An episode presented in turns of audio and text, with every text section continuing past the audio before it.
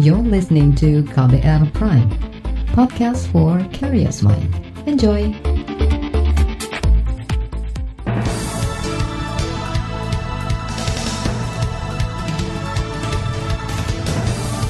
Selamat pagi saudara, kembali kami menyapa Anda pagi hari ini dengan sejumlah informasi di Buletin Pagi, edisi Rabu 19 Agustus 2020.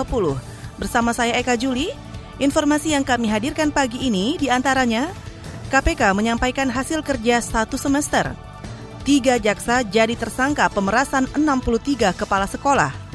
Takut tertular COVID-19, puluhan tenaga medis Balikpapan mengundurkan diri. Dan inilah Buletin Pagi selengkapnya. Terbaru di Buletin Pagi. Komisi Pemberantasan Korupsi atau KPK merilis sejumlah pencapaian kerjanya selama satu semester pada tahun ini.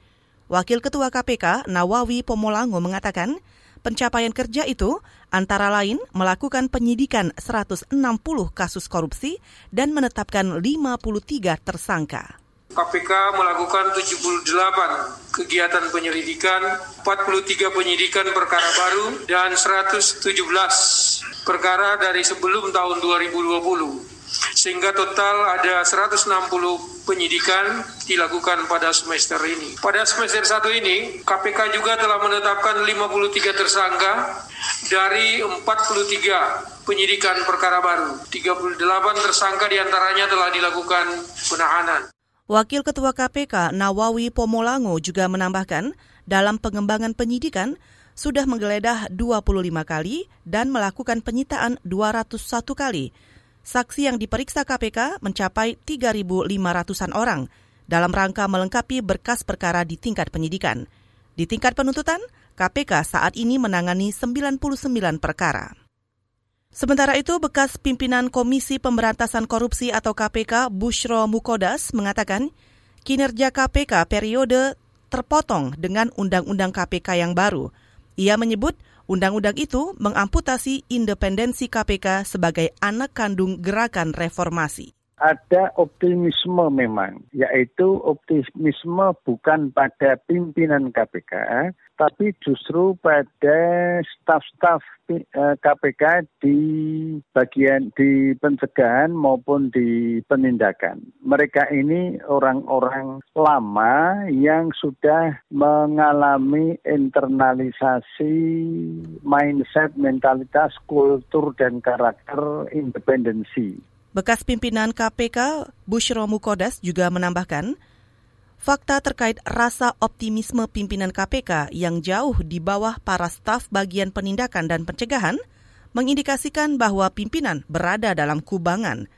Bushro menyimpulkan pengharapan pada pimpinan KPK secara kolektif saat ini seperti besar pasak daripada tiang. Saudara Komisi Pemberantasan Korupsi atau KPK diingatkan untuk mengevaluasi lagi kinerja penindakannya. Menurut anggota Komisi Bidang Hukum DPR Didi Mukrianto, kinerja penindakan KPK lemah, apalagi dalam upaya mengejar buronan.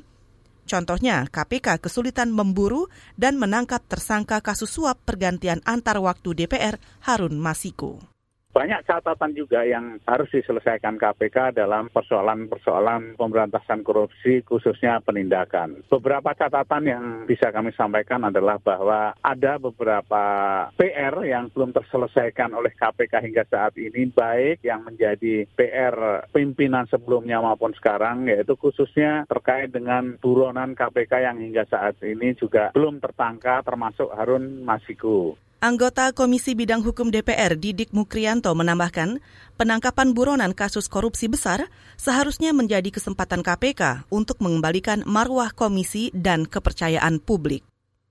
Komisi Pemberantasan Korupsi di era kepemimpinan Firly Bahuri dinilai kurang tegas melakukan penindakan di sektor politik dan penegak hukum. Peneliti Transparency International Indonesia, Alvin Nikola, mengatakan, tidak disentuhnya kedua sektor itu patut menjadi sorotan, karena KPK periode sebelumnya justru rajin melakukan penindakan di dua sektor itu.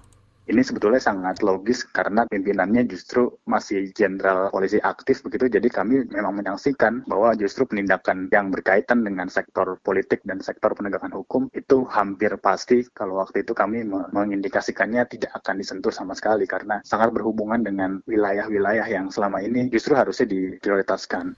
Peneliti Transparency International Indonesia, Alvin Nikola, juga menambahkan, korupsi di sektor politik sebetulnya menjadi akar masalah dari lambannya kenaikan nilai Corruption Perception Index atau CPI.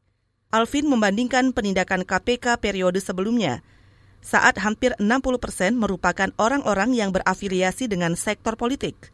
Ia juga mengatakan ekspektasi masyarakat terhadap KPK untuk memberantas korupsi masih rendah, karena efek kejut penindakan di sektor penegak hukum juga lemah.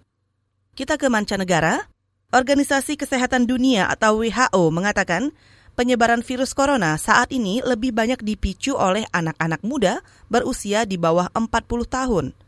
Mereka tidak sadar sebenarnya sudah terinfeksi COVID-19 dan membahayakan bagi kelompok-kelompok rentan, terutama orang tua dan orang sakit. Direktur WHO Regional Pasifik Barat Takeshi Kasai menyatakan, epidemi saat ini sedang berubah. Bulan ini saja, jumlah anak-anak muda yang terinfeksi virus corona meningkat secara global. WHO menyatakan isu bermutasinya virus corona menjadi lebih ganas masih terus diamati. Tapi sejauh ini, Kasai menyebut COVID-19 masih relatif stabil. Saudara, selanjutnya kami hadirkan informasi soal tiga jaksa menjadi tersangka pemerasan 63 kepala sekolah. Sesaat lagi tetaplah di Buletin Pagi. You're listening to KBR Pride, podcast for curious mind. Enjoy!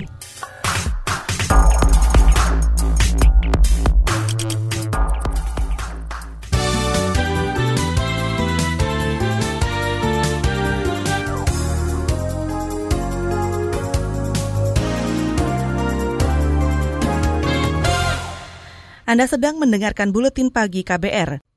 Saudara, tiga jaksa dari Kejaksaan Kabupaten Indragiri Hulu, Riau ditetapkan sebagai tersangka atas kasus dugaan pemerasan terhadap 63 kepala sekolah.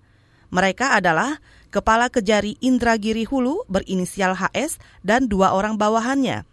Juru bicara Kejaksaan Agung Hari Setiono mengatakan ketiga jaksa itu sudah ditahan di Rutan Salemba Cabang Kejaksaan Agung. Setelah dilakukan pemeriksaan terhadap enam orang saksi dan dikaitkan dengan alat bukti dan barang bukti lainnya, maka penyidik berkesimpulan telah terpenuhi minimal dua alat bukti sehingga ditetapkan tersangkanya. Juru bicara Kejaksaan Agung Hari Setiono juga menambahkan, pemerasan dilakukan terkait pengelolaan dana bantuan operasional sekolah atau BOS pada tahun lalu. Diduga total uang yang diperas mencapai 650 juta rupiah. Hari mengatakan dengan pemerasan itu juga melibatkan tiga pejabat lain di Kejaksaan Negeri Indragiri Hulu. Sebelumnya, 63 kepala sekolah SMP negeri se-Kabupaten Indragiri Hulu, Riau, mengundurkan diri pada 14 Agustus lalu. Penyebabnya tekanan dan pemerasan dalam mengelola dana BOS. Sementara itu, saudara, terkait kasus buronan Keshi atau hak tagih Bank Bali Joko Chandra, juru bicara Kejaksaan Agung Hari Setiono membantah tudingan yang menyebut Kejaksaan Agung seolah pasang badan untuk menyelamatkan Jaksa Pinangki Sirna Malasari. Menurut Hari, selama Pinangki masih berstatus sebagai jaksa dan anggota Persatuan Jaksa Indonesia, maka yang bersangkutan berhak mendapat pendampingan hukum. Kata dia, kuasa hukum yang ditunjuk Persatuan Jaksa Indonesia berasal dari organisasi profesi pengacara. Biaya pendampingannya ditanggung pengurus. Pertengahan Agustus lalu, Jaksa Pinangki ditetapkan sebagai tersangka oleh Kejaksaan Agung. Ia diduga menerima hadiah atau janji dalam kasus pelarian terpidana korupsi pengalihan hak tagih Bank Bali Joko Chandra. Jaksa Pinangki diduga menerima suap sebesar 500 ribu dolar Amerika atau setara lebih dari 7 miliar rupiah. Kita ke informasi lain. Sejumlah tokoh nasional mendeklarasikan koalisi aksi menyelamatkan Indonesia atau KAMI. Dalam deklarasinya, koalisi itu mengajukan delapan tuntutan kepada pemerintah, DPR, dan aparat hukum. Bekas Ketua Umum PP Muhammadiyah Din Syamsuddin yang tergabung dalam kami mengatakan delapan tuntutan itu antara lain mendesak pemerintah dan DPR memperbaiki praktik pembentukan hukum yang menyimpang dari Pancasila dan Undang-Undang Dasar 45. Bangsa Indonesia tengah menghadapi masalah besar. Telah terjadi kerusakan demi kerusakan. Sebagaimana yang kami nyatakan dalam maklumat menyelamatkan Indonesia. Maka marilah kita bangkit untuk penyelamatan. Bekas Ketua Umum PP Muhammadiyah Din Syamsuddin juga mengatakan, kami atau Koalisi Aksi Menyelamatkan Indonesia menuntut pemerintah serius menangani pandemi COVID-19 baik secara kesehatan maupun dampak sosial. Pemerintah juga dituntut menghentikan penegakan hukum yang carut-marut dan diskriminatif, memberantas mafia hukum, menghentikan kriminalisasi lawan-lawan politik, menangkap dan menghukum berat para penjara kekayaan negara. Saudara juru bicara Satgas Penanganan COVID-19 Wiku Adhisa Smito mengatakan, Prosentase pasien sembuh per 18 Agustus kemarin terus meningkat hingga 66 persen atau lebih dari 96 ribu orang. Jumlah kasus aktif adalah 40.510 atau 28,3 persen, sedangkan penambahan kasus positif pada hari ini adalah 1.673. Jumlah kasus sembuh pada hari ini adalah 96.306 atau 66,8 persen, sedangkan kasus meninggal 6.277. Juru bicara Satgas Penanganan COVID-19, Wiku Adhisa Smito juga menambahkan, peta zonasi resiko daerah COVID-19 terus bergeser. Daerah yang masuk zona merah atau resiko tinggi di Indonesia semakin turun, atau menjadi 29 kabupaten kota. Sedangkan zona oranye atau resiko sedang justru bertambah 237 kabupaten kota. Kita ke informasi lain. Menristek dan Kepala Badan Riset Inovasi Nasional Bambang Brojonegoro mengatakan Indonesia masih di peringkat terendah dalam hal perkembangan inovasi. Menurutnya, Indonesia belum mengedepankan perkembangan teknologi dan inovasi seperti negara lain. Padahal Indonesia memiliki sumber daya manusia dan alam yang cukup untuk memenuhi standar pengembangan inovasi terkini di berbagai bidang. Saat ini indeks daya saing kita masih nomor 50, bahkan kalau khusus inovasinya lebih rendah lagi. Daya saing kita masih lemah, gara-gara inovasinya masih rendah, ranking 85 dari 129 negara. Kita nomor 2 terendah di ASEAN. Siapa yang lebih jelek dari kita? Cuma Kamboja, soal inovasi. Dan kita tentunya jauh sekali dibanding yang paling inovatif, yaitu Singapura. Menristek Bambang Brojonegoro menambahkan, Indonesia selama ini terlalu disibukkan dengan program lain, sehingga mengesampingkan teknologi dan inovasi. Padahal 25 tahun ke depan, Indonesia akan memasuki usia 100 tahun dan punya cita-cita masuk dalam jajaran negara maju berbasis teknologi dan ekonomi yang unggul. Kita ke berita ekonomi. Neraca perdagangan Indonesia membukukan surplus Badan Pusat Statistik BPS mencatat surplus neraca perdagangan Indonesia pada dua, pada Juli kemarin mencapai 3,26 miliar dolar Amerika atau setara lebih dari 48 triliun rupiah. Kepala Badan Pusat Statistik Suharyanto mengatakan surplus itu terutama dari sektor non-migas bahwa surplus ini terjadi karena ekspor kita secara mantuman naik cukup tinggi 14,33 persen sementara importnya mantumannya turun 2,73 persen. Jadi alhamdulillah pada bulan Juli 2020 ini kita masih mengalami surplus 3,3 miliar dan kalau kita lihat surplus ini didominasi oleh uh, non migas kita. Kepala BPS Suharyanto menambahkan surplus neraca perdagangan pada Juli lalu lebih besar dibanding bulan sebelumnya. BPS juga mencatat impor bahan baku dan barang modal Indonesia pada Januari hingga Juli menurun dibanding periode yang sama tahun lalu. Kita ke berita olahraga. Paris Saint-Germain melaju ke babak final Liga Champions dini hari tadi. PSG menaklukkan klub Jerman RB Leipzig 3-0 tanpa balas. Klub asal Perancis itu mencetak sejarah bisa menembus partai pamungkas di kompetisi tertinggi Eropa. Sejak babak pertama, Le Parisien menguasai permainan dengan unggul 2-0 melalui gol Marquinhos dan Di Maria. Pada paruh kedua, PSG mencetak gol tambahan yang dibuat Juan Bernat. Pada partai final, Paris Saint-Germain akan menantang pemenang antara Bayern Munich yang akan menghadapi Olympique Lyon. Saudara, selanjutnya kami hadirkan laporan khas KBR soal nikah di masa pandemi. Sesaat lagi, tetaplah di Buletin Pagi. You're listening to KBR Pride, podcast for curious mind. Enjoy!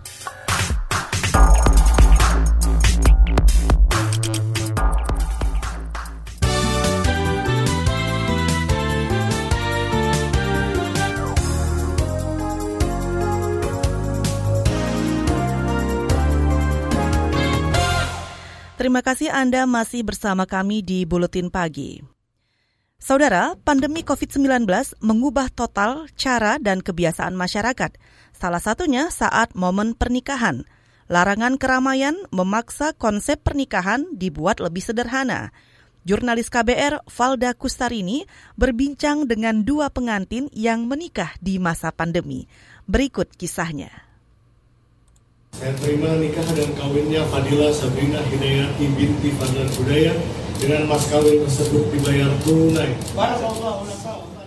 Itu tadi cuplikan prosesi akad nikah Fadila Sabrina bersama pasangannya pada akhir Juli lalu. Momen sakral bersejarah sekaligus membahagiakan tentunya. Namun terselip sedikit rasa kecewa di hati Sabrina. Tak lain karena pandemi COVID-19 menggagalkan impiannya untuk melangsungkan pernikahan di luar ruangan atau garden party ibaratnya kayak dream wedding lo jadi gak bisa lah gitu. Tadi tuh udah punya bayangan mau nikahannya tuh outdoor terus yang santai gitu, pakai baju simple, banyak teman-teman dan keluarga semuanya pada datang, joget-joget, makan-makan enak kayak gitulah. Tapi ya ya udah gagal deh.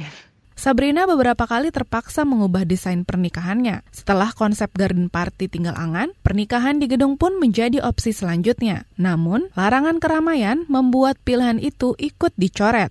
Alhasil, Sabrina harus puas dengan hanya menggelar akad di rumah awal-awal yang bikin pusing pas kita mau rearrange acara itu harus nyari vendor lagi. Karena kan kita tadinya udah plan mau bikin acara di gedung jadwalnya sore. Tapi karena jadinya cuma akad nikah dan di rumah jadi kita maunya pagi. Kita harus bolak-balik tektokan sama vendor yang udah kita pilih sebelumnya. Yang kayak gitu-gitulah itu tantangan awal banget. Jumlah tamu undangan dibatasi paling banyak 50 orang. Yang hadir hanya kerabat dekat dan beberapa teman saja. Protokol kesehatan juga diterapkan ketat selama pernikahan berlangsung kita sediain keran air sama sabun di meja tamu. Kita sediain hand sanitizer. Ada masker juga kita sediain. Terus sebelum masuk cek suhu juga. Terus kalau pas akad nikah itu pokoknya semua yang ada di meja akad pakai masker. Terus berjarak juga karena kan emang dibatesin 30 doang tuh di ruangan Sabrina membuat akun Instagram khusus untuk menyiarkan secara langsung proses pernikahan. Ini untuk mengobati kekecewaan teman-temannya yang tak masuk daftar undangan. Meski jauh dari ideal, Sabrina tak menampik menikah di masa pandemi banyak memangkas pengeluaran. Plusnya yang pasti itu neken budget banget. Kita tuh ngekat budget cuma kepake seperempat budget gitulah daripada budget awal kalau emang harus pesta ya kayak nikahan normal gitulah di sini di pernikahan masa pandemi bukannya mau tidak ngelayain syukuran tapi sebenarnya kan untuk menjaga kesehatan semua orang juga masa iya kita nikah nunggu pandemi kelar yang sebenarnya nggak tahu kelarnya kapan lain halnya dengan Siti Sadida Hafsyah yang justru senang mengakhiri masa lajang di tengah pandemi. Dida tak butuh waktu lama untuk mempersiapkan pernikahan yang digelar awal Agustus lalu. Sejak awal, ia memang lebih menyukai konsep pernikahan sederhana, tetapi dengan suasana yang lebih intim. Momen itu hanya dihadiri keluarga dekat. Sebenarnya udah dari tahun lalu, saya sama pasangan udah berencana menikah. Cuma seriusnya itu mungkin baru kayak Maretan. Eh, kita termasuk yang lumayan tidak mempersiapkan budget banyak gitu. Kita emang pengennya tuh intimate wedding, tapi kan kalau dalam keadaan normal tuh nggak semua keluarga, nggak semua teman bisa ngerti tiba-tiba pandemi ada nih kita ambil positifnya aja Meski sederhana, Dida justru memilih menyewa restoran sebagai tempat pernikahan. Pasalnya, ia ragu protokol kesehatan bakal disiplin diterapkan jika dilangsungkan di rumah. Saya nggak memilih menikah di rumah karena tidak bisa menjamin kalau di rumah itu protokol kesehatannya akan baik. Nah, saya memilih di restoran karena protokolnya bisa lebih dipersiapkan. Kayak saya bisa request, oh cateringnya supaya nggak ganti-gantian nih sendoknya kita mau orang cateringnya aja yang menyendoki dengan memakai sarung tangan juga request-request lain kayak kursi-kursi berjarak terus juga hand sanitizer gitu-gitu sih Para hadirin pun juga sadar dengan prosedur cegah COVID-19. Misalnya tak ada kerumunan saat antri makanan karena paham dengan pentingnya jaga jarak. Alhamdulillah antrinya juga teratur gitu. Orang-orang pun sadar diri kalau lagi antriannya agak panjang mereka duduk dulu karena toh nunggunya pun gak lama ya bisa saling menjaga jarak. Anggaran yang dikeluarkan pun bisa dihemat. Karyawan swasta ini hanya menghabiskan 30 juta rupiah atau sekitar seperlima dari budget sebelum pandemi. Meski begitu, Dida mengakui tetap ada kurang dari pernikahan kemarin, yakni kehadiran keluarga dan teman-temannya. Gak bisa kayak teman-teman sebelumnya sih, foto banyak bareng teman-teman, jadi koleksi fotonya sedikit lah gitu dibanding teman-teman yang datang bergelombol, berseragam gitu. Demikian laporan khas KBR, saya Valda Kustarini. Selanjutnya kami hadirkan informasi dari daerah, tetaplah di Buletin Pagi. You're listening to KBR Pride, podcast for curious mind. Enjoy!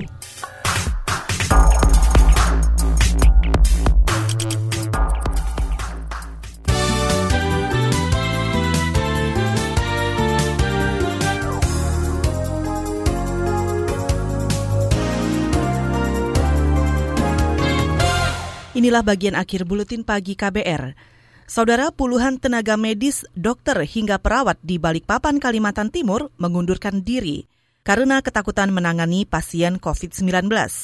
Ketua DPRD Kota Balikpapan, Abdullah, mengatakan mereka yang mengundurkan diri bekerja di Rumah Sakit Umum Daerah Beriman Balikpapan dan Dinas Kesehatan setempat.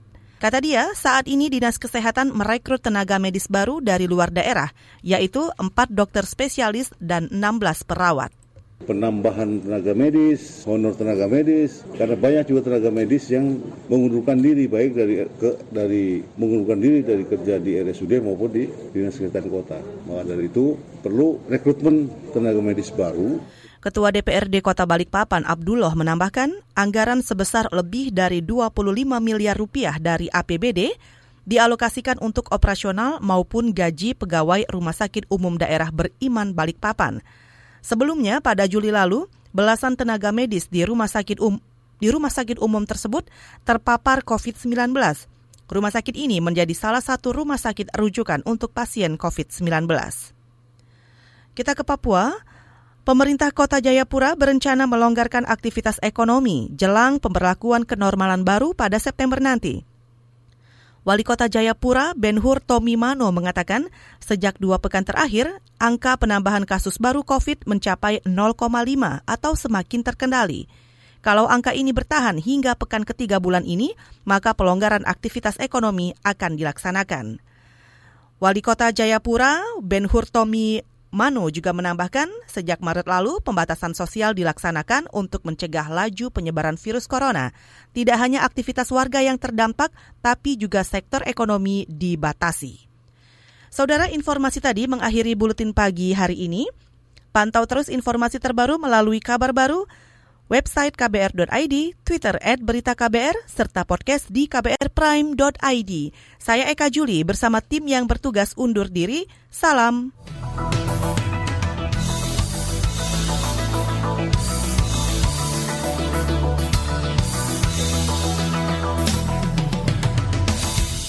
KBR Prime, cara asik mendengar berita. KBR Prime, podcast for curious mind.